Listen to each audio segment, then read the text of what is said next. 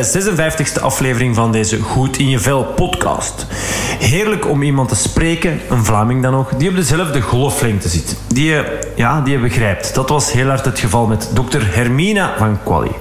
Zij is dokter in de psychologie en haar doctoraat ging over kwaadheidsgedragingen.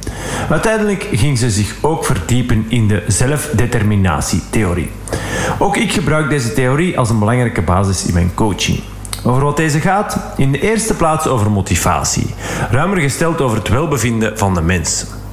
Uit deze theorie komt ook naar voren dat we als mens allemaal, iedereen op deze planeet, enkele psychologische basisbehoeften hebben. Dat we als mens biologische of fysieke basisbehoeften hebben, dat is genoegzaam bekend. Denk onder andere aan slaap, voeding, bewegen, natuur, voortplanting. Maar dat we als mens dus ook aangeboren psychologische basisbehoeften hebben, is minder geweten. Als jij een trouwe luisteraar bent van deze podcast, weet jij dat ik telkens als ik iemand interview, mijn gast zichzelf punten laat geven op zowel deze fysieke als ook de psychologische basisbehoeften. Omdat ze nu eenmaal allemaal even belangrijk zijn. Intuïtief zou je misschien kunnen denken dat onze biologische behoeften belangrijker zijn dan de psychologische. Maar hoe kan je dan verklaren waarom sommige mensen zichzelf bijvoorbeeld uithongeren om een soort van status te verwerven? Of dat anderen hun leven, wat op zich ook een biologische basisbehoefte is, geven voor anderen? Dus voor alle duidelijkheid, ze zijn allemaal even belangrijk. En de gasten van deze aflevering is dus een expert op dit gebied. Zij kan alleen maar bevestigen dat het niet bevredigd zijn in de psychologische basisbehoeften maakt dat je je doorheen je dag, week of leven sleurt. Dat het je ontbreekt aan motivatie. Dat je het gevoel hebt dat, ja, dat je een soort van leegte hebt, hè, dat, zonder dat je dit per se kan verklaren. In de meeste gevallen is de oorzaak dus een deprivatie, een tekort op een, van, één of meerdere van deze psychologische basisbehoeften. We hebben het in dit interview onder andere over kinderen opvoeden vanuit de gedachten van de zelfdeterminatietheorie en het feit dat a good crisis rocks. Maar, en dat vond ik best wel speciaal, ook deelt mijn gasten iets wat ze nooit eerder had gedeeld dan met haar echte naaste naaste. Dus ja, ik ben enorm dankbaar voor dit boeiende interview. Benieuwd wat jij ervan vindt? Laat gerust even van je horen, bijvoorbeeld door de aflevering een 5-sterren rating te geven. Wil jij trouwens op de hoogte gebracht worden als ik een nieuwe aflevering online zet? Abonneer je dan even op dit podcastkanaal. Voor nu zou ik zeggen, gun jezelf een moment, beluister lekker dit interview en laat je daarbij inspireren door Dr. Hermina van Quali. Ah ja, ook nog even dit. Wil je graag een exemplaar van haar boek Motiveren zonder controleren winnen? Laat dan even van je horen op www.epiccoaching.be schuine streep Hermina. Hermina, allereerst bedankt om eh, even tijd voor mij vrij te maken. Stel, je ligt op je sterfbed. Hopelijk mag dat moment nog, nog lang wegblijven. Maar ehm, stel het is zover. Welke dingen wil jij dan vooral kunnen herinneren? Um, Oké, mooie, maar moeilijke vraag. Wat wil ik mij herinneren? Wat er um, eerst in mij opkomt, um, zijn natuurlijk, ik heb vier kinderen. en ik moet wel zeggen dat ik daar regelmatig aan denk. Um, wat dat er nu ook naar boven komt, dat, was, dat, is niet dat ik dat heel vaak uh, vertel, maar ik heb um, een zevental jaren heb ik, uh, zevental jaar geleden, heb ik um, mij echt die vraag gesteld omdat er een, een tumor in mijn schildklier zat. En ik was toen pas bevallen van mijn jongste dochter. Um, ook al is dat proces uh, heel vlot verlopen hè, en um, ben ik volledig genezen verklaard. Um, ja, ik, het is wel iets waar, waar het staat niet ver van mij, ik zal het zo zeggen. Dus ik stel mij die vraag wel. En dan heel belangrijk, welke um, impact of wat heb ik kunnen doorgeven aan mijn vier kinderen? En dan denk ik in eerste instantie aan. Ik heb um, dit jaar ontdekt dat ik hun de passie voor de bergen heb meegegeven. We gingen naar vakantie in de Ardèche, super. En na tien dagen zei mijn zoon van 14: uh, Mama, we gaan toch ook naar de bergen. En uh, dat was ongelooflijk. Ik heb dus op een paar uur tijd een heel uh, week vrijgemaakt en met mijn vier kinderen. Um, alleen, ik met mijn vier kinderen een week gaan kamperen in de bergen. Um, net zoals jij daarnet iets vertelde over een Via Ferrata. Zijn die zot van Via Ferrata's? Um, en voilà, dat was ongelooflijk. Berghutten. Dus de passie voor de natuur, voor de bergen dat deed mij zoveel plezier. Om te zien dat ze... En Mira, mijn dochter, zei... Uh, mama, ik ben precies in de bergen geboren. Dus dat is een hele mooie. En waarom zijn bergen zo belangrijk?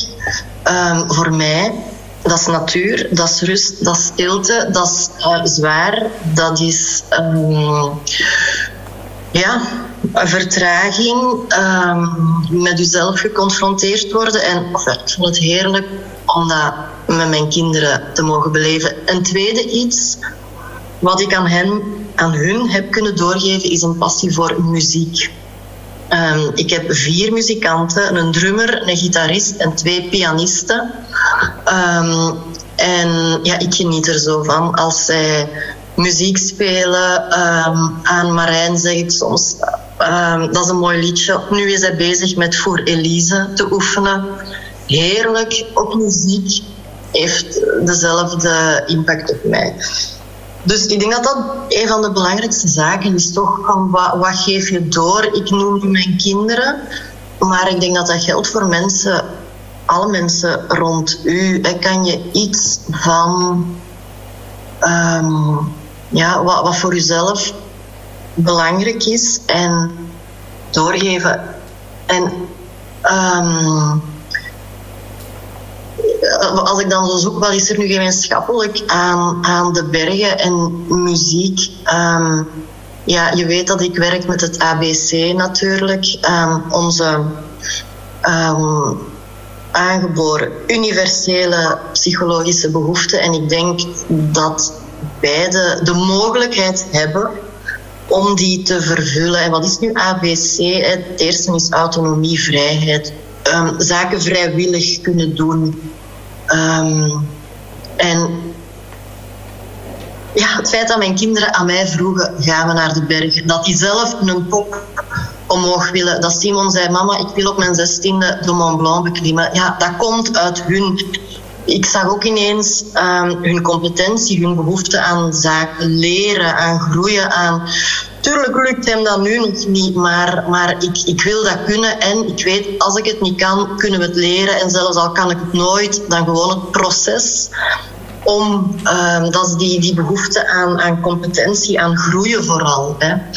En um, ja, de B, dat is vaak een, ja, niet echt onderschat, maar toch wel fluffy behoefte.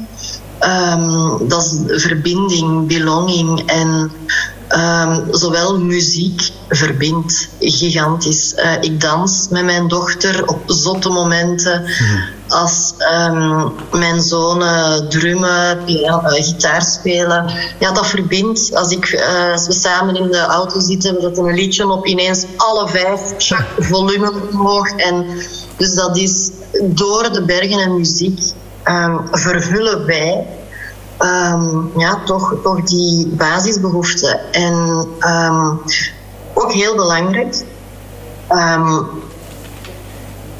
Ik, ik zeg hier niet dat bergen en muziek voor iedereen die behoeften zullen vervullen. Muziek kan voor sommige kinderen net een stressor zijn en iets wat ze moeten doen van hun ouders. Um, en dan werkt dat niet. He. Het is als, als kinderen uit zichzelf zeggen: Mama, ik wil um, muziek, ik, vind, eh, ik wil piano spelen. Um, omdat ze denken dat ze dat ooit misschien wel wat zullen kunnen. En uh, met leuke vrienden een band instappen. En uh, niet omdat het moet. Hè. Dat is toch wel een hele belangrijke hier. Ja. Um, oh, ik, ik, denk dat het dat wat is. En dat is ja, ik denk dat dat voorlopig. En misschien. Um, um, ja, toch. Een van mijn motto's doe elke dag iets zot.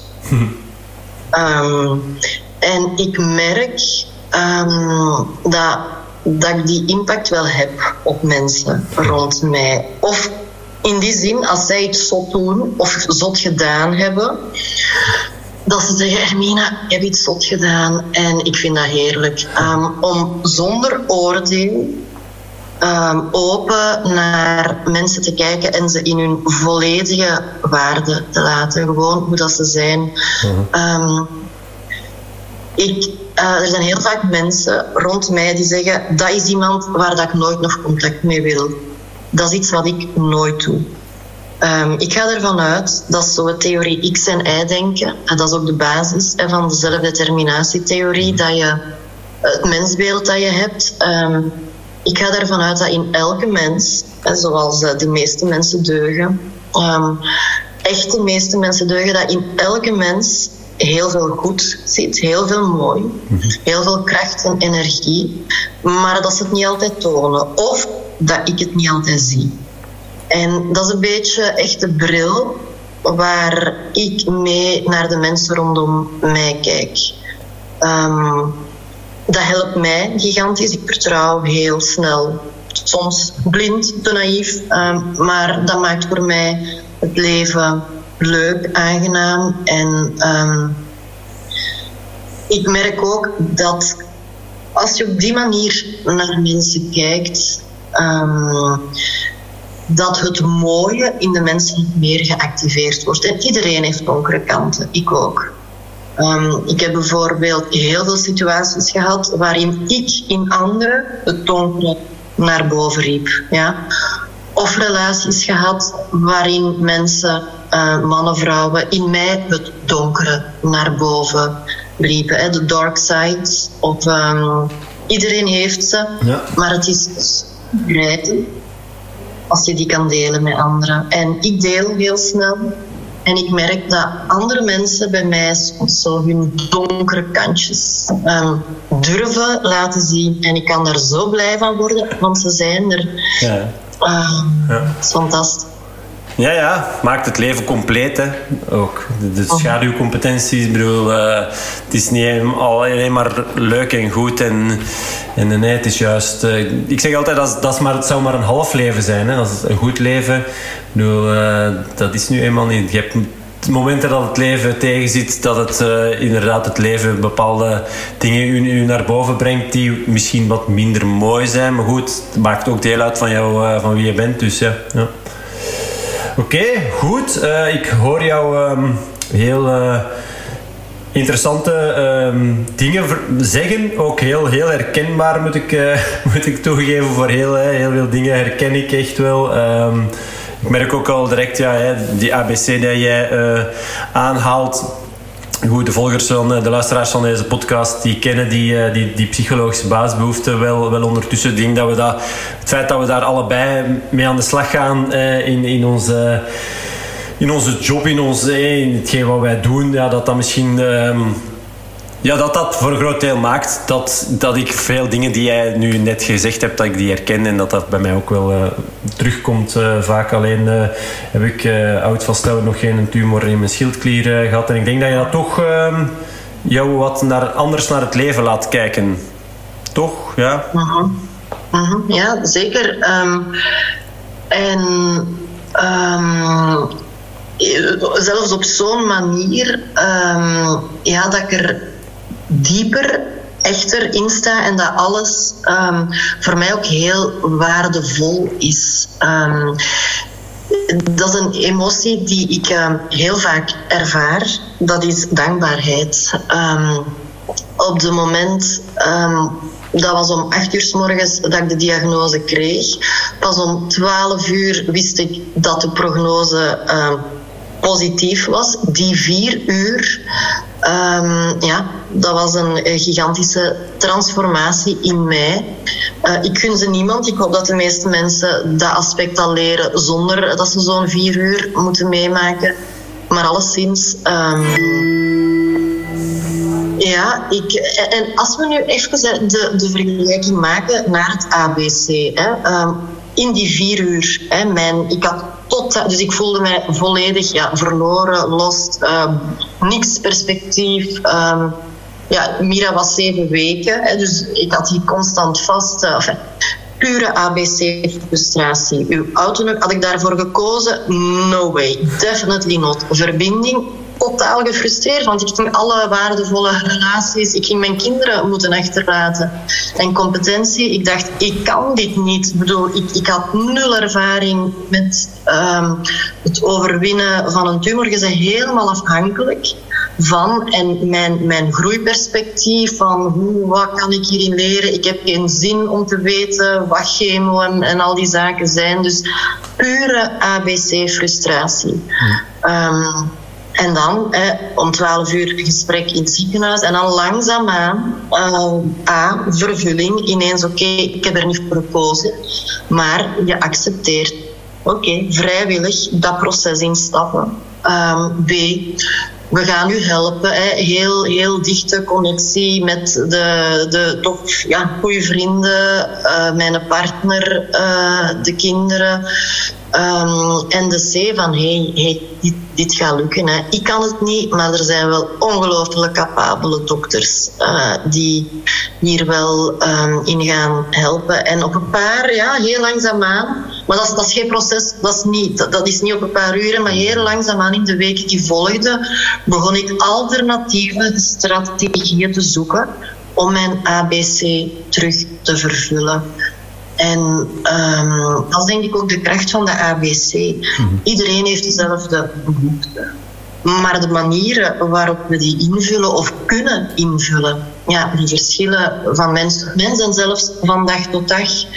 Um, en ja, ja ik, ik um, dat, dat, dat, wordt altijd wel gezegd, hè, doesn't kill you, makes you stronger. Uh, of good crisis rocks, of never waste good crisis. Uh, ik, uh, ja, ja, ik geloof daar echt in. Ja, -huh. oké.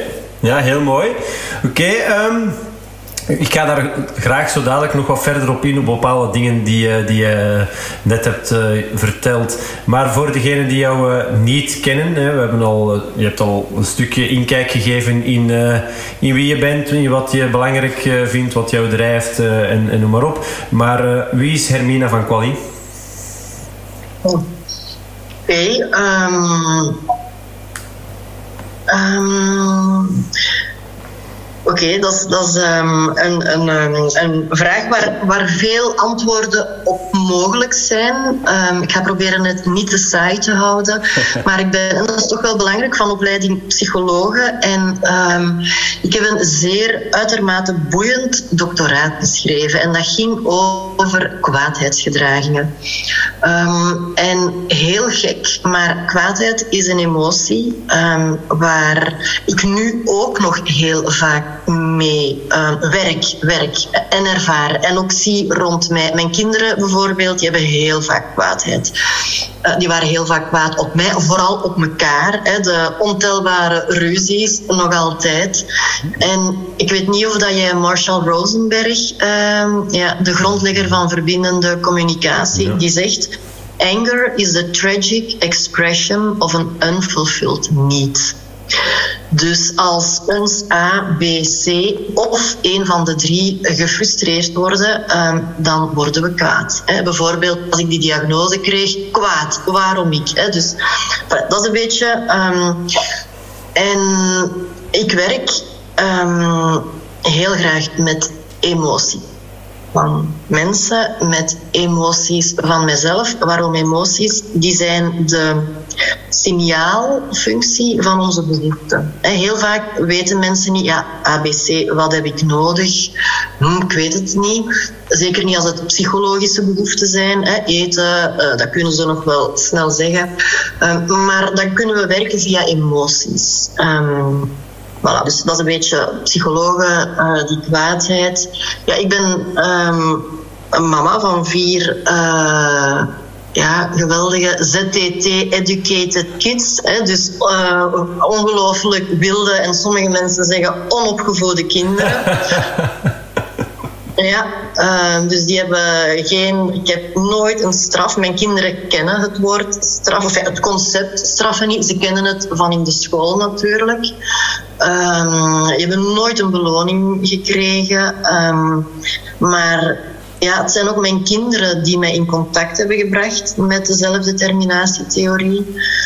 Um, en dan langzaamaan ben ik gaan kijken, oké, bij kinderen werkt het, werkt dat nu ook in de werkcontext? Ja, oké.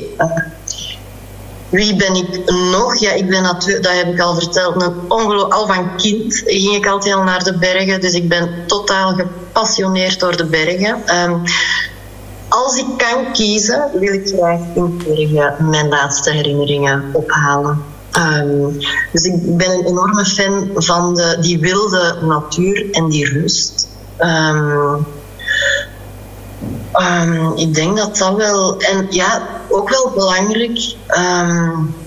ik, ik, kan, ik durf echt zeggen dat ik hou van mensen.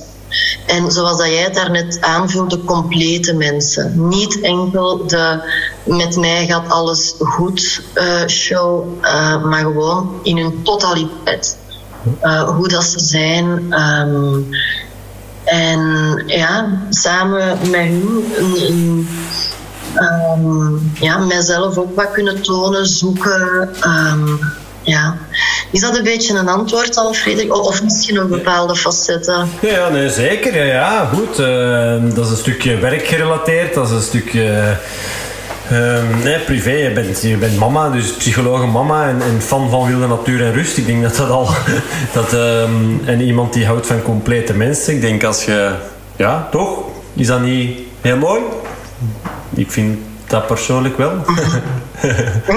ja, zeker. Ja. Ja, uh-huh. ja. ja, uh-huh. Nee, nee. Um, goed. Dat, dat is, nee, je hebt als mens verschillende rollen te, te, te vervullen. Of, of, je hebt de, die, de, verschillende rollen die je kan opnemen. En uh, ja, goed. Dat is dan uh, ja, bij jou psychologe, mama... Um, maar waarschijnlijk ook uh, buurvrouw en, uh, en uh, misschien dochter en zus. En allee, bedoel, snap je dat? Ja, of, of -huh. ik geef nu maar iets. misschien heb je, heb je geen broers of zussen. Maar dus, nee, nee zeker en vast. daar is, er zijn geen foute antwoorden. Nee, ik ben. Goed, oké. Okay, um, dus. Um, ik hoor jou een paar dingen zeggen waar ik graag wat, wat verder um, op, op inga. Ik, ik hoor je zeggen, de passie voor de bergen, hè, voor de natuur, de rust en de stilte. Maar ook uh, vertraging hoorde ik jou benoemen. Waardevol, denk ik. Kan je daar... Uh, Um, ik ga ook al zeggen dat voor mij vertragen niet per se leuk is. Ja, ik um, zit volledig in de red race van het leven, hè, waar ik geprikkeld word door externe zaken. Um, maar wat ik merk is dat dat mij geen. ja, moet ik het zeggen? Geluk is ook niet het woord Um, maar ja, geen, geen rust geeft. Dat jaagt mij op. Um, dus vertragen betekent niet per se dat ik glimlachend zen in mijn zetel lig. Uh, lig. Um, maar vertragen betekent bijvoorbeeld ja, in contact komen met, met uh, die, die psychologische behoeften, hè, ABC. Uh, ja, vertragen betekent voor mij ook ademen. Ja, ademen en um, in het nu zijn. Zo belangrijk, zo belangrijk. En ik heb dat ook maar geleerd um, om dat te doen. Ik merkte dat ik 95% van mijn tijd, nee, ik ga het anders zeggen, 45 in de toekomst zat, 45 in het verleden. En, en, en de rest, dat weet ik niet, dat was al bewust. Maar ik zat nooit in het nu. Um, altijd zorgen over uh, wat ging komen of spijt, schuld over wat geweest was. Um, en ja, wat ik nu merk is, en dat is natuurlijk ook geïnspireerd hè, door Eckhart Tolle, De kracht van het nu, dat soms zijn er echt boeken die ik gewoon naast mij leg. Mhm. En, en, en die geven dan al een soort uh, energie door dat ik weet, oké, okay, het nu, het nu. Ja. ja. Oké, okay. ja, ja. Uh, Oké, okay. um, je, je geeft een, een boek, hè. Je, je noemt er nu één. Is wat voor mij gekend, misschien niet voor iedereen gekend. Um, zijn er zo nog? Dus is, ik vind het heel interessant. Ik, ik vind het altijd als mensen over, over boeken beginnen, dan, uh, dan gaat er bij mij iets, uh, iets aan en dan um, zijn er nog boeken dat je zegt dat wel, dat is, uh, dat is zo'n boek dat ik naast mij leg of dat, dat ik regelmatig terug ter, ter hand pak of, of bij of op mijn nachtkastje leg of op, naast het toilet. Of... Oh ja, massa's, hè, massa's. Uh, maar bijvoorbeeld nu, hè, nu uh, ben ik totaal in de gang van de boeken van Jan Geurts. Um, van Bevrijd door liefde, Verslaafd aan liefde. Um, en uh, ik weet niet of dat je die boeken Um, van Jan nee. Geurts bedoel je? Ja. Uh, ik, heb, ik heb ze zelf nog niet gelezen, hè. Ik, uh, maar het is, het is mij niet onbekend. Maar uh, ja, hoe niet alles. Allee, ja. -huh. nee, dus ja, oké. Okay. Ja, ik vind, ik vind die gewoonweg fantastisch. -huh. um, waarom vind ik die fantastisch? Um, Um, hij geeft aan dat mensen uh, heel uh, afhankelijk zijn van anderen. Ja.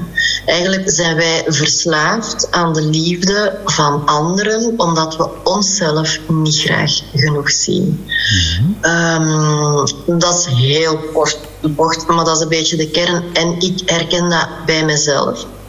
En ik herken dat ook bij anderen. Uh, hoeveel gedragingen mensen stellen om anderen te behagen of te pleasen. En mag ik hier even al de link maken met dezelfde determinatietheorie? Mm -hmm. Als dat oké okay is. Um, zelfde, dat, dat, waarom? Dat, dat is mijn passie. Hè. Je hebt al mijn privéleven en mijn werk lopen non-stop in totaal over, allee, in elkaar over. Uh, wij kunnen allemaal op vier manieren gemotiveerd zijn voor iets. Uh, neem nu koken. Hè.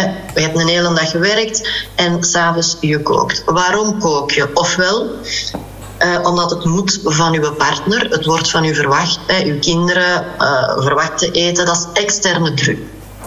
Ofwel kook je s'avonds vanuit interne druk, schuld. Ja, als ik nu niet kook, ja, dat gaat niet, dat is mijn rol als mama. Ofwel kook je omdat je het zinvol vindt. Ja, hey, dat is, ik kan hier een goede gezonde maaltijd op tafel, dat is zinvol. Hè. Of je kookt omdat je het leuk vindt. Mm-hmm. Ik heb daar zin in. Hè. Dat, dat, dat gaat mij even wat rust geven. Of we koken omwille van die vier redenen samen. Ja. Wat zegt nu dezelfde terminatietheorie? Als we iets doen omdat we het leuk vinden of zinvol, dat is perfect. Dat noemen ze de high quality motivatie. Als we iets doen vanuit externe of interne druk, ja, dus ofwel omdat het verwacht wordt van anderen, of omdat we een schuldgevoel willen vermijden of ons anders zouden schamen. Um, dat is low quality motivatie. Ja, dat is moet, moeten. Ja. Dat is druk. En nu kan ik de link leggen hè, met, de boeken van Jan Geurs, die zegt dat we heel vaak zaken doen vanuit druk, vanuit schuld.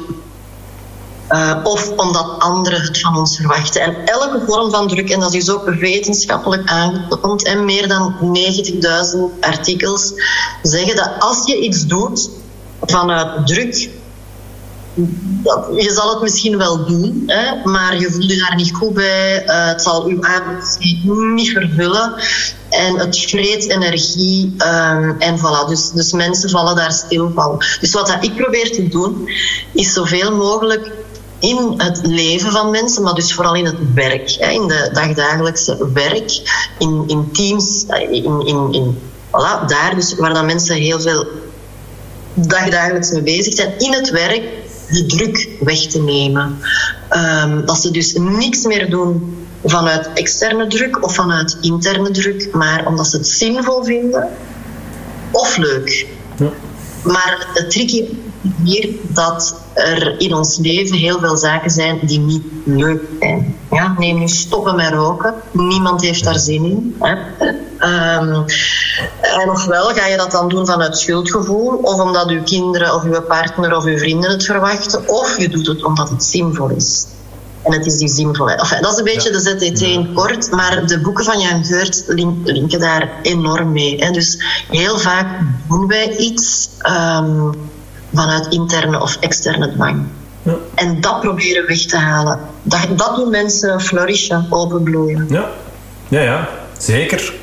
Ja, ja schaamte of schuld. Hè. De, de, de wortel of de zweep, zeg ik wel eens. Eh, de beloning, eh, de externe, omdat je beloond wordt, of omdat je weet dat je gestraft gaat worden, of omdat je inderdaad je schaamt. Ja, die motivatie, dat gaat misschien een halfjaartje mee, maar ehm, dan wordt het uh, moeilijker en moeilijker. En dan verschieten we ervan dat ze, dat, dat ze terugvallen en het toch niet kunnen volhouden. Ja. Heel, ja, klinkt voor mij heel bekend in mijn oren, maar ik denk voor de luisteraar heel waardevol om dat ook eens door iemand anders uitgelegd te krijgen en te horen. Dus ja, ja.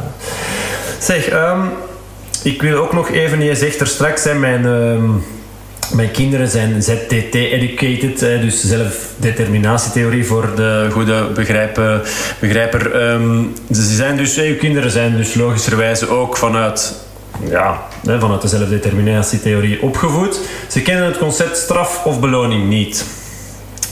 Ik kan me voorstellen dat de luisteraar, of toch, hè, dat dat, dat, dat uh, vragen oproept. Hoe, um, hoe pak je het aan? Uh -huh. Vertel. Ja, um, nu ik ga al starten met te zeggen, ik heb niet de meest brave kinderen. Ja. Uh, ik, heb, ik heb sommige, ja, ik noem ze wil en uh, een beetje ontembaar, maar ik zie ze wel flourishen. Ja. Ik zie ze openbloeien. Um, ze, wat dat ik constant probeer te doen, is hun A, hun B en hun C te vervullen. En die B, dat is al de eerste belangrijke. Altijd, dat is, dat is bij mij onvoorwaardelijke, onvoorwaardelijke liefde, dedicated, puur. Uh, betekent dat dat ik er altijd ben? Nee, hè, want ik werk net heel veel. Uh, ik heb ze één week om de twee, hè, dus co-ouderschap. En zelfs in die week dat ze bij mij zijn, ja, zijn er heel veel momenten dat ze voor zichzelf uh, mogen zorgen. Um, dat, dan gaan we direct al naar de A. Dus zij krijgen heel veel vrijheid. Maar direct die A-autonomie betekent niet dat zij mogen kiezen wat dat ze doen. Zo wordt die, die A heel vaak, of die autonomie, fout ingevuld. Nee, ik ga altijd afchecken. Van kindjes, of kinderen ondertussen. ja, morgenavond, ik, ik ben pas om negen uur thuis. Zien jullie het zitten? Om hè, voor uw zus morgen haar van school te gaan halen, eventueel zelf te koken. Of haal ik een babysit? Of gaan jullie liever eh, naar jullie papa? Dus ik geef hun de keuze, maar, maar niet, on, niet, niet onbeperkt. Hè. Als zij iets voorstellen, mama, ik wil uh, whatever, alle vier apart bij vriendje, dan ga ik zeggen, sorry, dat is te chaotisch voor mij. Dus dan bied ik het ook, dus er zijn wel grenzen. Ja, maar ik, ik ga hun zelf iets laten doen zonder dat ze daar echt vrijwillig achter staan. Dus eigenlijk het woord druk, het bang, kennen zij bijna niet. Dus dat betekent ook, en dat is misschien niet zo goed, hè, ik heb een aantal uh, regels, uh, structuren, hè, waar dat ze helpen, tafel afruimen, afwasmachine leegmaken. Maar er zijn momenten, en ik ga altijd ook naar mijn eigen. Er zijn momenten dat ik geen een van de vier gemotiveerd krijg voor de afwasmachine leeg te maken. Ja? En dan heb ik twee manieren. Ofwel ga ik dan mijn macht gebruiken en zeggen: jongens, hè, drie jongens en één meisje. Um, Roman, jij maakt het afwas leeg en ik verplicht hem, dat is externe druk. Ik heb dat soms eens gedaan en hij zal het doen. Ja? Maar wat gebeurt er? Heel de sfeer verandert. Uh, mijn afwasmachine is dan wel leeg. En oké, ze hebben geleerd dat ze moeten luisteren naar mij. Maar dat is niet wat ik wil. Wat ik ga doen is, oh, uh, ik stel hier vast, uh, niemand van jullie vier wil dat machine leegmaken. Ik leg even uit waarom dat ik dat graag zou willen. Maar ik luister naar hun. Waarom willen ze het niet? En dan ga ik echt richting die empathie. En empathie is uh, kijken van wat zijn hun emoties en behoeften. En uh, ja, het boek dat ik geschreven heb, is motiveren zonder controleren. Dus ja, ik ga zo bij. En pas op, er zijn ook momenten dat ik zeg, en nu maakt het af als, misschien als ik er echt um, zelf de fut niet heb. Maar dat voelen ze wel. Het is eigenlijk al een soort energie. Nog voordat ik het zeg, voel ik, mama heeft het nodig nu en we maken het leeg. Is dat, is dat een beetje duidelijk ja. hoe dat... Mm -hmm. Zeker. Um, Misschien nog één leuke anekdote. Mijn eh, partner nu, dus die kende de ZTT niet. Hij heeft zelf ook twee kinderen. En die merkte al direct dat, dat ja, de manier van communiceren van mij heel anders was. Oh, die, hij. Ja, maar bon. Um, die twee uh, gezinnen zo wat samenbrengen, dat is niet zo evident. En de eerste keer, we hebben samen dus zes kinderen, dat we de zes kinderen hadden ze op de zolder gelegd. dat was natuurlijk een feest. Hè. en um, ja, Stijn en ik, wij wouden wel eens slapen. Het was een zaterdagavond en het was nog vol een bak ambiance en lawaai. En, en uh, ja, eens Stijn, ik ga eens zeggen dat ze daar stil moeten zijn. En ik was, ik was onder, op die moment nog aan het denken, want ik wou ook dat ze stil waren. Van oké, hoe ga ik dat hier aanpakken? Hè? Uh, dus ZTT vraagt soms wel een beetje hè, denkwerk. Hè? Uh, maar Stijn, hè, niet ZTT uh, kennende, minded, ging naar boven en hij zei wat, wat ik denk ik heel veel ouders zouden doen. Oké, het was plezant vandaag. Van nu uh, is het gedaan en als hier binnen vijf minuten niet stil is, dan leggen we jullie uit elkaar. Een heel, ik begreep die reactie volledig. En ineens Marijn, mijn zoon van toen negen jaar, die sprong uit zijn bed en die zei: Stijn, dat is dreigen met straf en dat mag niet van mijn mama. ja, heerlijk hè. Dus. Um, pak nu um, dat dat een manier is waarop dat je probeert kinderen stil te laten zijn. Hè. Um, ja, de B is weg, de verbinding. Hè. Ineens is de strenge ouder en heel de leuke dag wordt zo wat overschaduwd door dat onaangenaam einde. Um, maar dan nog, als die kinderen toch zin hebben om hè, verder te praten, die gaan, die gaan niet slapen. Hè. Die gaan gewoon vijf minuten stil zijn en dan gaan ze uh, op hun manier. Uh, dus de vraag is, wat wil je bereiken? Dat ze stil zijn of, of Enfin, ja, ik weet niet dat ik het goed uitleg, maar als je je macht gebruikt, dus controleert, dan moet je ofwel elke vijf minuten gaan kijken. Hè. um, ja, of, ofwel ervoor openstaan dat ze toch snoesjes gaan vinden of, of, of tussen de, de regels allee, het, het toch niet gaan doen. Ja. Um, en is het dan um, hen wijzen op het... Uh, want oké, okay, je kunt zeggen ik wil dat ze stil zijn, maar misschien zit daar achter verscholen dat je vooral wilt dat ze voldoende rust hebben, dat ze voldoende hebben geslapen. Uh, en dat dan kaderen van ja goed, kijk, uh, ik snap dat het hier heel leuk is, maar goed, onze slaap is zo belangrijk en anders zijn we morgen weer lastig en dan, dan is het voor niemand leuk. Allee, dus ook weer al... Ja. Exact, exact. En wat is uiteindelijk de oplossing geworden? Want hè, dan, dan heb ik dat zo gekaderd. En voor de vier jongsten was dat, voor de twee oudsten niet. Dat zijn pubers en die hebben in hun wereld een pak minder slaap nodig. Plus die gingen slapen tot middags. Ja, ja wat, wat hebben we dan gedaan? Effectief die twee groepen opgesplitst. Maar dat was geen straf. Dat was een heel, dat was oké. Okay. En, en de, de vier jongsten die waren ook blij dat ze konden slapen. Ja. Maar die deden gewoon mee om mee te doen, om erbij te horen. Mm -hmm. en, en dat is een beetje uh, motiveren zonder controleren. Betekent dat je altijd dat niveau dieper is gaat kijken van wat wil ik nu echt? Ja. Um, ja. En is dat wel zo belangrijk? En als, als het voor mij zinvol is maar voor de kinderen niet, of voor de anderen niet, in een werkcontext, als dat voor de medewerkers niet zinvol is, ja, dan zal het gewoon niet lukken hoor. Allee, dan zal het, het meest extreme voorbeeld dat ik heb gehoord in een werkcontext, dat was in een ziekenhuis. Um, een verpleegster en dat was volle, volle coronamaatregelen. En zij moesten zo'n heel zwaar, ik heb het nooit gedragen, een mondmasker opzetten. Uh, als we kijken naar de vier motivaties. Niemand vond dat leuk. Dus intrinsieke motivatie was er niet. Die persoon, heel gek, maar geen, geen niet oordelen, nee, die persoon vond dat niet zinvol. Ja? Die persoon voelde zich ook niet schuldig als ze het niet opzette. Maar er was wel die externe dwang. Ja, ze zei, als ik het niet opzet, krijg ik of word ik misschien zelfs ontslagen of boete of whatever. Dus op die moment was zij enkel gemotiveerd vanuit externe dwang. En wat vertelde zij? Dat zij op momenten dat er collega's waren, het masker opzette. Op momenten dat zij alleen bij patiënten was, zette zij het masker af.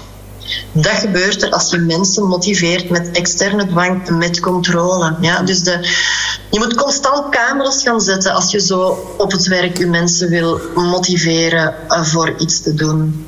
Ja, nee. En dat is juist je zegt dan nu, je moet dat dan gaan doen, maar dat is juist niet wat dat we willen, toch? We willen juist eh, gaan hen laten nadenken en vooral de, de teamleiders of de, de werkgever of zo laten nadenken van, of, of en meegeven, laat uw personeel nadenken over wat voor hen, wat ze leuk vinden, wat voor hen waardevol is, wat belangrijk voor hen is. Uh, ja. En dat, dat ze veel meer vanuit uh, die uh, autonome, um, zelfgereguleerde motivatie kunnen handelen. Oké, okay. nou ja, Right, super, uh, super waardevol allemaal. En uh, ik denk dat dat wel iets is dat voor, voor vele mensen ook ja, misschien wel hun ogen opent. En, en, en is, hè, laten we dat hopen, dat, dat, dat, dat, dit voor vele mensen toch ergens iets misschien denkt, dat, ja, dat ze daarbij gaan denken van, maar ja, dat is wel eigenlijk wel een mooie methode. En ik ga dat ook eens proberen. En ja, mooi. Oké, okay, um, we hebben ook al inderdaad, uh, je hebt er net dankbaarheid als, als waardevolle emotie, kwaadheid. Ehm, zijn, zijn, ehm, ik denk dat, allee, ik probeer dat toch zo um, in, mijn, in mijn coaching en zo ook naar voren te laten komen en daar mensen mee aan de slag te laten gaan. Dan vooral dan positieve emotie, want dan kwaadheid is dan een, een negatieve emotie. Um, ik, ik gebruik, ik weet niet, dat zal u niet onbekend zijn, de team positieve emoties van Frederickson. Ja, uh, hè. Um, kan je daar, dus, dus het, het bewust wat meer oog hebben voor het uh, proberen te bezigen, voelen, meegeven, in gesprek gaan en het echt hebben over emoties. Dat is volgens mij ook inderdaad heel, uh, heel waardevol. Is dat ook iets um, waar je misschien nog iets kan over zeggen? Ik weet het niet. Um. Ja, ja, maar emoties zijn zo belangrijk. We kunnen bijna zeggen dat we elke seconde een emotie hebben. Hè. Um, en wat dat ik altijd probeer te doen, uh, ik ben ook een fan van Leo Bormans, uh, een van, of van Dirk de Wachter, die vind ik fantastisch. Wat zegt hij? Het uh, streven naar geluk. Um, is niet onze missie hier hè, in het leven. Het is het streven naar zinvolheid dat ons leven betekenis geeft. En um, ik lach graag, absoluut. En als ik um, positieve emoties ervaar, is fantastisch. Dat is flourishen. Uh, maar daarnaast um, probeer ik toch ook de waarde te zien van de negatievere emoties. En die uh, niet proberen weg te duwen. Is dat leuk? Nee, nee. Uh, en maar in de bergen, iedereen die in de bergen geweest is, dat is Ah, niet altijd leuk. Ik heb, daar, ik heb in de bergen voor de eerste keer angstzweet mogen rieken van mijzelf. Hè. Pure paniek. Was dat leuk? Nee. Maar voor mij was dat op die moment gigantisch zinvol. Van die ik kan, en dat was, dat was een via ferrata, hè, dat ja. zo een beetje schuin naar achter ging. Oh, en ik dacht, oh, rond een bocht met een waterval. Dus gigantisch veel water en lawaai. En leuk. Nee, en ik dacht, waarom doe ik dat hier? Ah, wel, omdat het leven niet leuk hoeft te zijn. Mm uh, er zijn zoveel andere zaken die waarde hebben. Um, en en dat, op die moment dat gevoel hebben van, hé, ik kan dat hier. En weet je wat, als ik het niet kan, ik heb het toch maar geprobeerd. Ik kon maximaal vier meter naar de berg naar beneden vallen. Maar ik was er samen met mijn kinderen en ik dacht, als ik hier val, wat een zalig moment moet dat zijn. Hè, om dat samen te mogen meemaken. Um, en dat probeer ik te doen van oké, er zijn minder positieve emoties, maar loop daar niet van weg. Ga daar gewoon, ga in die angst, bang. En terwijl ik het vertel, voel ik het al. Die zitten, die zitten ook op een andere plaats in je lichaam. Hè. Precies die, dat verdriet, laat dat toe. Soms slagen we er niet in om ons ABC te vervullen. En neem nu een ontslag A. Frustratie, niet voor gekozen. B. Frustratie, je bent al je collega's kwijt. C. Frustratie, je voelt je uiterst incompetent. Hè. Wel, verdriet, boosheid, paniek, angst. Wel, laat dat even toe. Laat dat gewoon. Dus dat is een beetje hoe dat ik naar emoties kijk. Uh, niet streven naar altijd dat, dat geluk. Ehm, maar ze al, elke emotie heeft zijn waarde, omdat ze iets zeggen over een behoefte. Als er angst is, is er één van uw behoeften die niet is ingevuld. En ga dan rustig op zoek naar manieren om die te vervullen. Ja. Mooi, inderdaad. Ja, ja. Ik, uh, ik ben... Uh, uh, voor de luisteraar die niet weet wat een Via Ferrata is, dat is een, goh, een parcours in de, in de bergen langs soms heel steile rotswanden, vaak hoog boven de grond. als je er van ver langs rijdt dan, en je ziet zo'n rotswand, dan denk je, ja, dat, daar gaat, dat gaan we toch niet doen. Maar effectief, een half uur later hang je dan aan die wand met weliswaar een kabel waar je vast aan hangt met, met twee musketons en, ehm, en er zijn handvaten en voetsteunen waar je eigenlijk kunt uh, begeleid op, op uh, het parcours afleggen. Um, en ik heb het nu uh, effectief afgelopen weekend zelf voor de eerste keer mogen ervaren. Ik kreeg de vraag, het voorstel van een ervaren klimmer en, en dus ook iemand die regelmatig via Ferratas af, af, aflegt en vrij gaan mee. En ik had altijd um, ja, toch ergens een beetje het idee van nou, hoogtevrees, zo, nou, dat speelt toch ergens, maar het is al wel beter laatste jaar. Dus, dus daar zat zeker heel veel angst op. Net daarom ben ik uh, meegegaan. En uh, we hebben er drie, uh, drie afgespeeld, twee in de Pyreneeën en dan nog eentje iets, um, iets noordelijker in, in Frankrijk. En juist daarom dus, hè, wat dat jij er net zo mooi uh, aangeeft. Soms is het heel waardevol om net uh, die angst uh, niet uit de weg te gaan. Juist misschien zelfs op te zoeken en te voelen van... Hey, ik kan dit. En dit hoort er ook gewoon bij. Bij het leven. Soms is gewoon echt toe een heel klein hartje naar het begin van, van zo'n parcours. Maar goed, in alle andere situaties. Allee, dat kan in allerlei situaties zijn. Dat is mooi. Ja, oké. Top. Ja. Goed, um, ik heb een, een, vaste rubriek in deze podcast, het rapport van. Um, waarbij ik eigenlijk uh, peil naar de invulling van de psychologische basisbehoeften. Goed, die, uh, dat ABC'tje, die autonomie, binding, competentie, um, die we al meermaals hebben besproken. Maar goed, dan kunnen we daar misschien... ja, ook toch wat kort in zijn, maar ik ben benieuwd hoe jij jezelf daarin uh, scoort van 1 tot 100 en dan ook uh, naar biologische basisbehoeften toe, want goed, die, uh, die hebben we uiteraard ook. Ehm, dus ik ben, ik ben heel benieuwd wat jij jezelf daarvan scoren um, toekent. -huh. Eerste bio, psychologische basisbehoefte, laten we daarmee beginnen. Hè, de, de verbinding, de binding, de B van het ABC. Um, kinderen, je hebt een, een nieuwe partner. Eh, goed, je hebt al, hè, we hebben het er al wel over gehad. Als je een cijfer mag geven van 1 tot 100? Momenteel... Um, boah, uh, 75, 80, we gaan naar 80. Maar heel belangrijk, dat kan zo snel fluctueren. Hè. Dat, is, dat is een, altijd een momentopname. um, dat is het mooie ook hè, aan die behoefte pak nu, um, eergisteren zou ik uh, eh, 20 hebben gezegd. En vandaag geef ik alweer 80. Mm -hmm. uh, en het kan zijn dat ik zaterdag op een leuk feestje 100 zeg. um, maar dat is het mooie. Je, je, kan, je kan elke seconde van de dag omhoog gaan of, of, dat, dat, of omlaag gaan. Hè. Het kan ineens tjak, gewoon een, een, onvriendelijke blik van iemand kan um, maar momenteel ja, rond de 80. Ja, nog nooit mezelf zo gescoord. Dank u voor die vraag. Mm met, met, heel veel plezier, ja, ja. Oké, dus het is misschien wel gewoon iets, iets mooi dat je ook in de toekomst kan meepakken. Niet alleen privé, maar ook uh, werkgerelateerd. Vandaar misschien inderdaad in, scores te gaan denken. En, uh, en uh, oei, ik score daar misschien wel laag in op deze moment. Oké, wat kan ik dan doen om die score voor mezelf wat hoger te, te maken en voor anderen? want we hebben het over verbinding, dus ja. Oké, top. Um, ja, en heel waardevol. Ik denk dat dat eh, wel uh, heel... Ik denk dat je de eerste bent, maar goed, omdat je er zo hard in zit, denk ik hè, dat, dat je de eerste bent die effectief aangeeft van oké, okay, meestal de mensen die ik interview geven dan zichzelf daar een score, omdat ik er naar vraag uiteraard. Maar, maar ik denk dat het uh, heel waardevol is dat je aangeeft dat dit heel hard kan, kan uh -huh. ja, schommelen. Hè. Dus ja, oké. Okay. Goed, competentie. Hoe competent voel jij je op dit moment? Wel, de, de C die ehm, in mijn werk zit, zit, zit altijd redelijk hoog. Ehm, daar zit ik ja, pak rond de 90. Hè, want ja, mijn, mijn, dat, is, dat is diezelfde terminatietheorie, de ABC.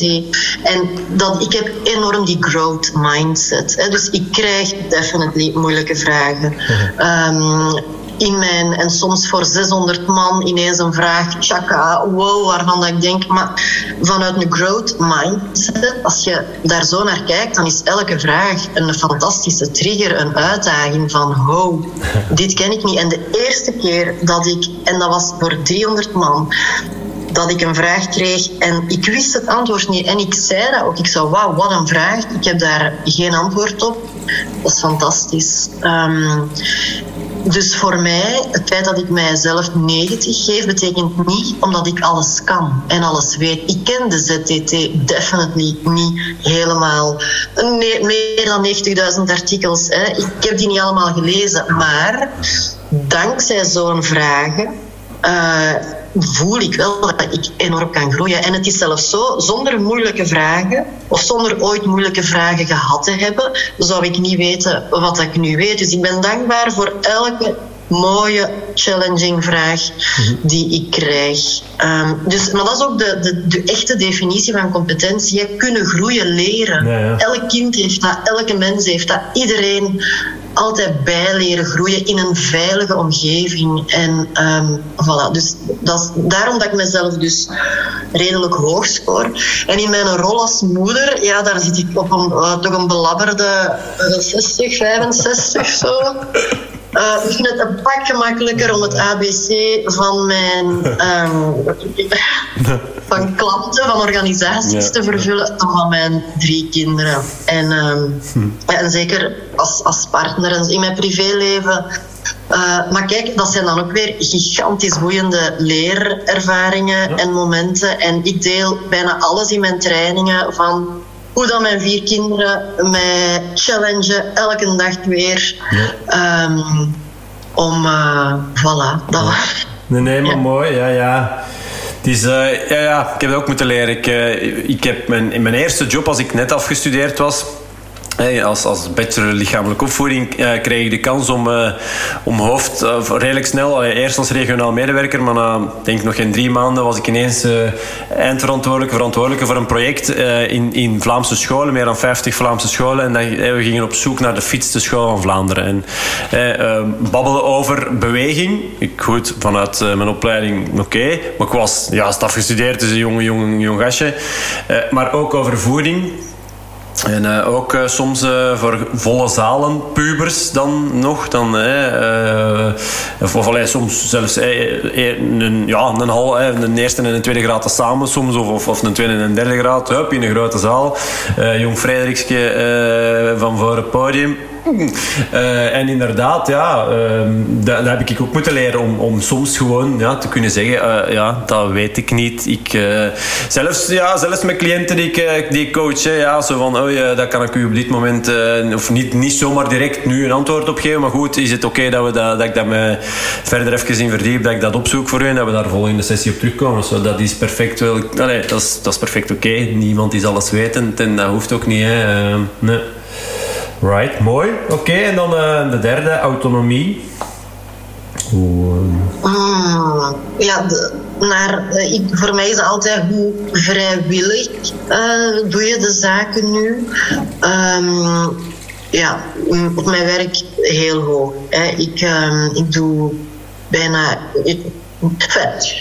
Laat ons zeggen, naar de, de, de, de trajecten dat ik mag begeleiden, heel hoog. Hè. Ik, fantastisch mooiste allee, ervaringen eigenlijk.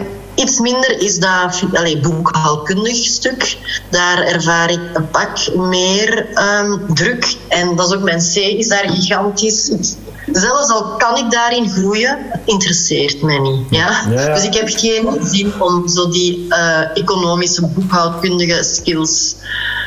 Um, dus daar loop ik wel wat op vast.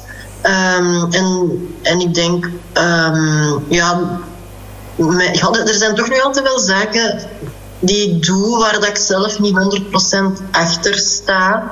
Dus dat is autonomie. Hè. Uh, de vrijwilligheid van kies ik ervoor Ehm, ook in mijn privéleven, soms voel ik mij zo wel wat onder druk gezet. Ehm, door, door ja, pak nu ook het feit dat ik gescheiden ben, dat, dat is ook niet echt vrijwillig.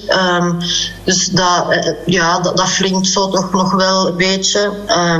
ik ben zeker als, als moeder goed, maar ja, die, er is die papa dat er dan. Wij moeten het apart doen. Mhm. Dus, dus daar. Uh, maar dat is ook oké. Okay, ik bedoel, um, we kunnen niet alles kiezen en um, sommige zaken um, vallen nu, e- allee, komen nu eenmaal hoe dat ze er zijn. maar ik denk dat ik denk dat ik hier toch naar de 70 ga. Waarom? Ook al heb ik niet overal zelf voor gekozen. Um, ik, ik uh, kan het dan wel accepteren en aanvaarden. Hè. En dat is alweer die A Good Crisis Rocks. Mm um, als, je, als je even naar dat uh, verdriet of kwaadheid of angst kunt gaan. Um, ja, dat is heel gek, hè. Maar daarna uh, komt er die verlichting of opluchting. Mhm. Of, en eigenlijk, als, als mensen uh, dat herkennen, dan, als je dan gewoon eens gaat kijken, dat, ik noem dat de ABC-check. Als je dan daarna je weer goed voelt, gewoon eens kijken. Wat is er welk van uw behoefte die in die negatieve emotie niet vervuld was, is, een, is nu wel vervuld. En uh, voilà. Oké, boeiend zeg. Ja, ja. Beetje zelfreflectie. Mm -hmm. ja, ja, ja, ja. Het is, uh, ik ben blij dat het ook voor jou uh, toch nog iets, mm -hmm. nog iets bijdraagt. Of, of, ja, ja. -hmm. Alright, oké. Okay, en dan, um, ja goed. Um, ik, vind, ik vind ze even belangrijk. ik, ik in mijn coaching geef ik er minder aandacht aan om ja, ik heb het heel lang wel gedaan, maar goed, uh, ik zit inderdaad meer zoals jij, meer op de, de psychologische basisbehoeften, maar goed, de biologische basisbehoeften. Ze zijn er, ze zijn belangrijk uiteraard, ze zijn waardevol. Um, dus ook daar ben ik heel benieuwd uh, welke score je jezelf daar uh, op geeft. Laat ons beginnen met voeding. 100. Um, ik eet super graag gezond, heerlijk, vegetarisch, maar ik heb niet altijd de tijd. Um, en ik kan soms zo genieten van uh, chocolade en chips. Um, ja. maar, maar toch redelijk goed. Elke dag fruit en groenten, heel veel vezels maar ik zondig. En dan wat dat dan belangrijk is om niet te veel schuldgevoel te hebben. Maar te zeggen, dat, dat, ik had dat even nodig, dat vet, je suiker. En, uh, dus dus uh, eh, 80. Ja. Maar voor, de, voor iedereen die luistert, ik kan gigantisch veel um, snoepen. En ik drink ook graag, graag een glaasje wijn of een goed pintje bier of een lekkere cocktail. Dat zal wel zijn, ja. ja. En jij denkt nu, en die geeft zichzelf zo'n hoge score. Nee, nee, nee. Oh, nee, nee. Ik, uh, als, ik, als ik even naar mezelf, en ik denk dat de, de mensen die mij al, al lang volgen, die weten dat wel. Ik denk dat dat vroeger, daar heb ik echt heel veel... Uh, ja, hij heeft zelfs in de krant eens een artikel zo van uh, iets, eh, het feit van dat ik, dat ik fiets. Uh, ik, wij eten vrijdagsfrietjes. Hè. Ik deel ook in mijn boek bijvoorbeeld. Hè. Het feit dat wij vrijdagsfrietjes eten. Um, ik, ik neem drie vleesjes bij mijn frietjes. Um, hè, oh. over de top. Um, nadien drink ik een echte cola. En ik, ik eet wat mijn moeder noemt vulgaire snoep.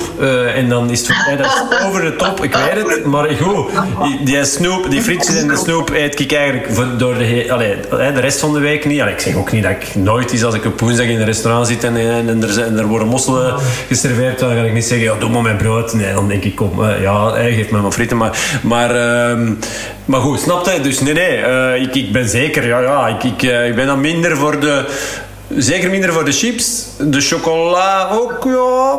De, een goede boken met choco of zo, dat kan ik wel, ja, ja, ja zeker. Uh, maar ik ben dan wel uh, ja, meer koekjes en, en snoep. Maar dat echt, ik zeg het, dat, dat vulgaire snoep, hè, zo de, uh, ja, de kersen en de, de veters en we, hè, weet je wel, van snoepkraam. Dat probeer ik echt wel te beperken tot, ja, tot vrijdagavond. En dan gewoon ja, na mijn frieten. En ik weet dat dat echt een rare gewoonte is. Maar goed, voel mij daar alles behalve schuldig over. Integendeel. Ik uh, voilà. geniet daar ongelooflijk hard van. Dus uh, ja, ja. Nee, nee. Uh, alright, oké, okay, mooi. Slaap, ook een belangrijke biologische basisbehoefte. Wel, omdat ik, dat is nu echt waar, soms zoveel zin heb in het leven, ehm, heb ik moeite om te gaan slapen. Ik heb moeite om afscheid te nemen van de dag. Ehm, en ik heb altijd gigantisch veel zin om erin te eh, vliegen. Dus ik sta heel vroeg op, half zeven, zeven uur. En, uh, maar vanuit, vanuit um, En als ik, ja, vanuit, een dag is veel te kort voor mij.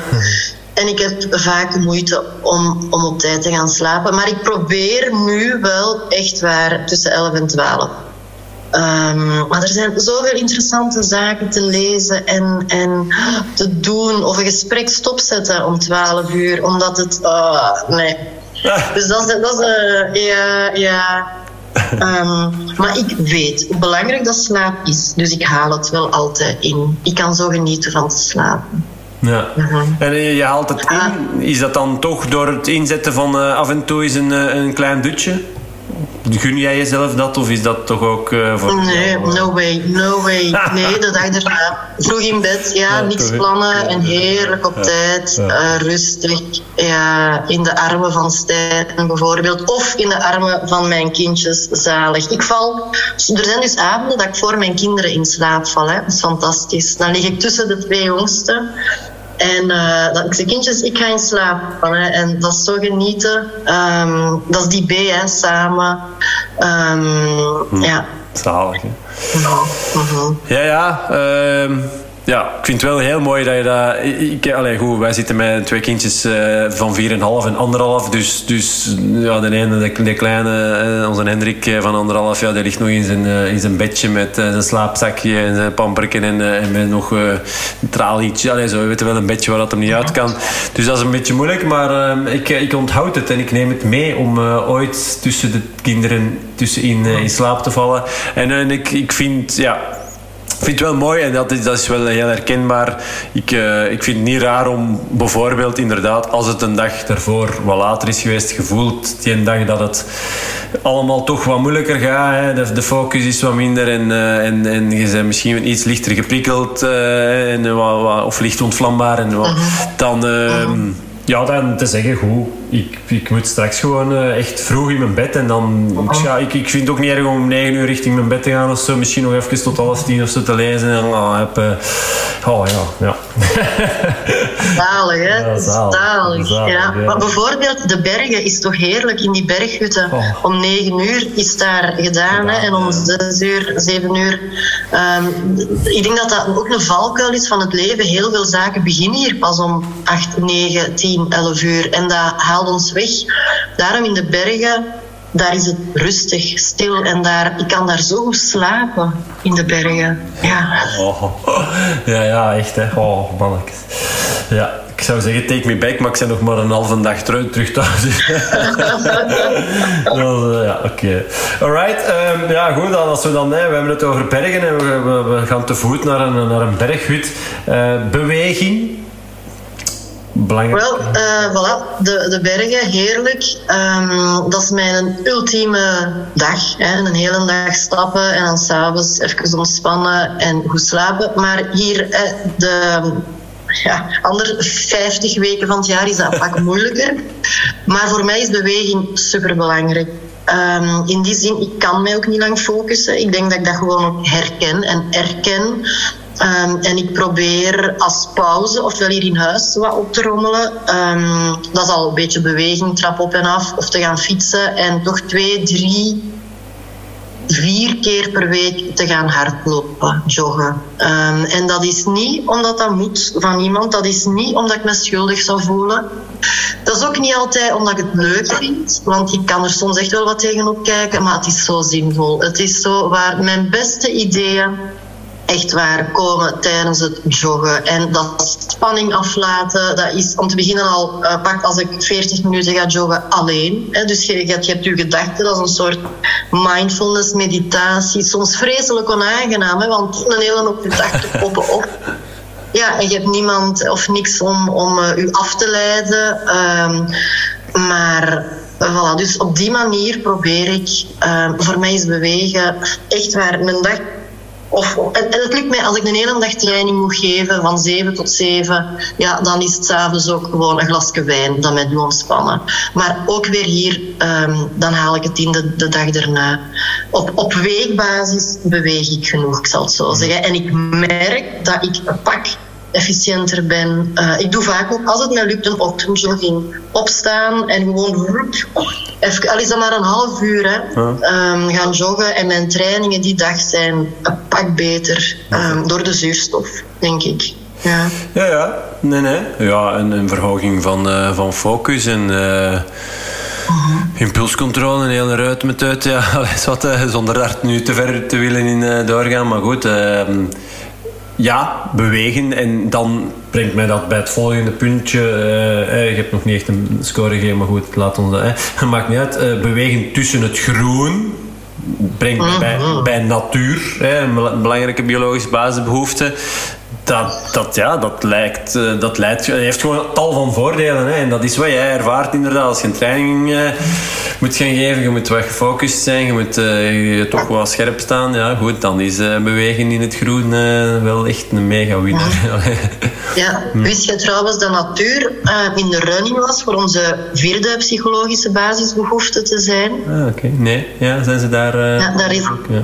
Ja, maar het, ze, is verworpen omdat ze er statistisch gezien niet echt uitkwam, maar ze is nog altijd in de running.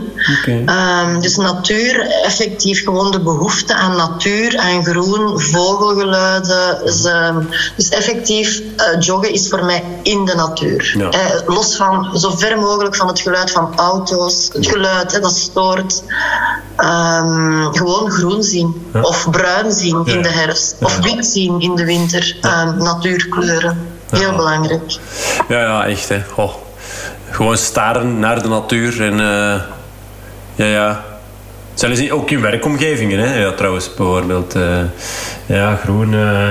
Oké, okay, dus nog. Ik heb. Um, ik heb hier niet direct een, een score, nu niet dat dat het meest belangrijke is, maar voor voeding had ik 80 slaap.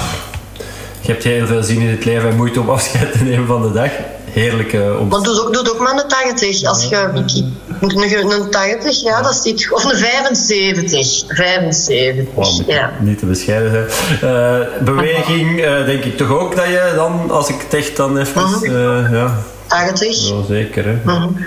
Oké, okay, en dan de natuur. Ehm, dus bij het lopen, ja, hè, um, wandelen, ook, je probeert in de natuur. Dat toch... Dat definitely, ja. definitely, ja, zeker. ja. Oké, okay, alright. En dat brengt ons uh, bij de uh, laatste biologische basisbehoefte, uh, voortplanting. En ik heb misschien niet vermeld, ofwel, je mocht nu ook erin zetten, mocht je dat willen. Ehm, zo, dus wat, ook dat is ja, belangrijk. Zeker. dat, dat staat voor mij voor de de levensenergie, de, de, de seksuele energie laten stromen. Um, en uh, ja, wie heeft het onlangs hier? Dat is een, een Belgische neuropsychiater die zei: uh, seks is de beste slaappil. Mm -hmm. um, Steven Laurijs. Um, ja, heb ik en, ja. Heb ik geïnterviewd al voor, uh, voor de podcast. Ah ja, voilà, dus die zegt dat. En voor mij is, is Um, ja, het is, het is gek, want er zit wat schroom op dat woord. Hè, vrije seks, eh, seksuele energie. Maar voor mij is dat de levensenergie. En ik hecht daar um, heel veel belang aan. En um, ja, ook in workshops, als ik merk dat mensen daarmee worstelen of mee zitten, probeer ik daar ook ruimte voor te maken. zowel vanuit de mannelijke als de vrouwelijke energie. En ik merk ook, als daar lang een blokkade op zit, dat ik minder goed functioneer. Um, dus voor mij is dat heel belangrijk. En ik probeer daar ook tijd en ruimte voor te maken. Ja. Waardevol. Ja, ja dat is... Um, ja, alright. Kijk, mooi. Kijk, tof. En... Uh, ja, leuk. Uh, dat, uh, dat gaf ik al voor, voor ons gesprek aan. Uh, dat ik zeg van ik vind het echt uh, interessant, boeiend, leuk. Uh, ik ben dankbaar dat ik, dat ik eens met een Vlaming hierover kan praten, want ik heb dat vaak uh, wel, met Nederlanders, maar het is leuk om te voelen zo op dezelfde golflengte te zitten met iemand over een bepaald ja, vakgebied of maar eigenlijk gewoon ja, manier van leven eigenlijk een stuk toch. Hè? Dat, dat is het toch wel eigenlijk. Hè? Ja. ja, dus dat is uh, mooi. Oké, goed. Um, ja, dan um, voor ik jou ga bedanken voor jouw uh, tijd. Um, is er misschien nog, wil ik jou nog de mogelijkheid geven om iets mee te geven? Iets, heb ik jou iets niet gevraagd wat ik jou had moeten vragen? Of wil je gewoon nog iets delen met de mensheid dat, je, dat we niet besproken hebben? Nee, ik, ik heb echt de kans gehad om, ik ja, om zo, het was, ik vond het zo'n leuk gesprek. Ik, ja, ik, ik heb denk ik gedeeld wat nu, vandaag, in mij leefde. En uh, dank u wel daarvoor. En ja, mensen kunnen mij vinden. Hè. Um, ze mogen mij altijd um, berichtjes sturen als iets hun getriggerd heeft. En misschien wel, hè, want daarnet zei je van zeg, mensen zullen dit misschien ook een goede manier vinden. Ik denk dat er ook mensen zullen zijn die zeggen: wow, uw kinderen niet straffen en, en niet belonen. Daar, daar ben ik ook nieuwsgierig naar. Ik denk dat er, ik heb altijd in mijn zeker in mijn keynotes, mensen die met hun ogen rollen. En dat mag, hè. Ik bedoel, ik wil niemand overtuigen. En, en ik sta altijd open um, voor, voor, om naar hun te luisteren. Dat wil ik. Het is, ik wil niemand overtuigen. Gewoon zeggen van, voor mij werkt dat en ook niet altijd. Hè. Nee, nee, nee. Um, voilà. Die openheid, uh, dat, dat staat voor alles echt, echt open. open. Ja. Oké, okay. right. Dus bij deze laat van u horen, zou ik zeggen, ja, als luisteraar. Ja, ja. ja. ja uh -huh. nee, en uh, ga de verbinding aan en ga met ons yes. in gesprek. Ja, alright. Nee, goed. Um, Hermina, dan uh, wil ik jou uh, ja, bij deze dus echt uh, heel hard bedanken ehm, voor, jou, voor jouw tijd. En voor het delen van de waarde. Heel graag gedaan. Kennis en alright, super. Ziezo, dat was hij weer al. Boeiend, hè? Vond jij dit ook en wil je graag Hermina's boek Motiveren zonder controleren winnen? Laat dan even je gegevens achter op www.epiccoaching.be-hermina. En ook een 5-sterren rating geven aan deze episode. Als je het interessant vond, waar ik vanuit ga als je nog steeds aan het luisteren bent. Mag altijd. Wordt in ieder geval heel hard geapprecieerd. In de volgende aflevering ook een boeiende gast. Een begenadigd spreker die de nodige beeldspraak in zijn betoog gebruikt. Ik hing alvast aan zijn lippen. Niet als hij het had over zijn specialisme, namelijk voeding, maar algemeen, toekoer. Wil jij trouwens automatisch een melding krijgen als ik de volgende aflevering, in dit geval met diëtist Arno Monsecour van topvoedingsadvies.be online zet? Abonneer je dan maar even op dit podcastkanaal. Voor nu, bedankt om te luisteren. Zorg ervoor dat je een episch leven kan leiden, voor jezelf en je naasten. Creëer een mooi verhaal van het leven. Er is zoveel meer mogelijk dan je misschien in eerste instantie voor mogelijk houdt. Mocht je hier toch moeite bij ondervinden, heb je eigenlijk alles wat je hartje belieft, maar ervaar je toch ergens een gemis, een tekort, kan, het niet, kan je het niet altijd opbrengen om te doen wat je eigenlijk zou willen en of zou moeten, dan stel ik voor dat je zeker maar even een kijkje neemt op mijn website epiccoaching.be. Ik help je alvast graag verder. Tot binnenkort. Bye!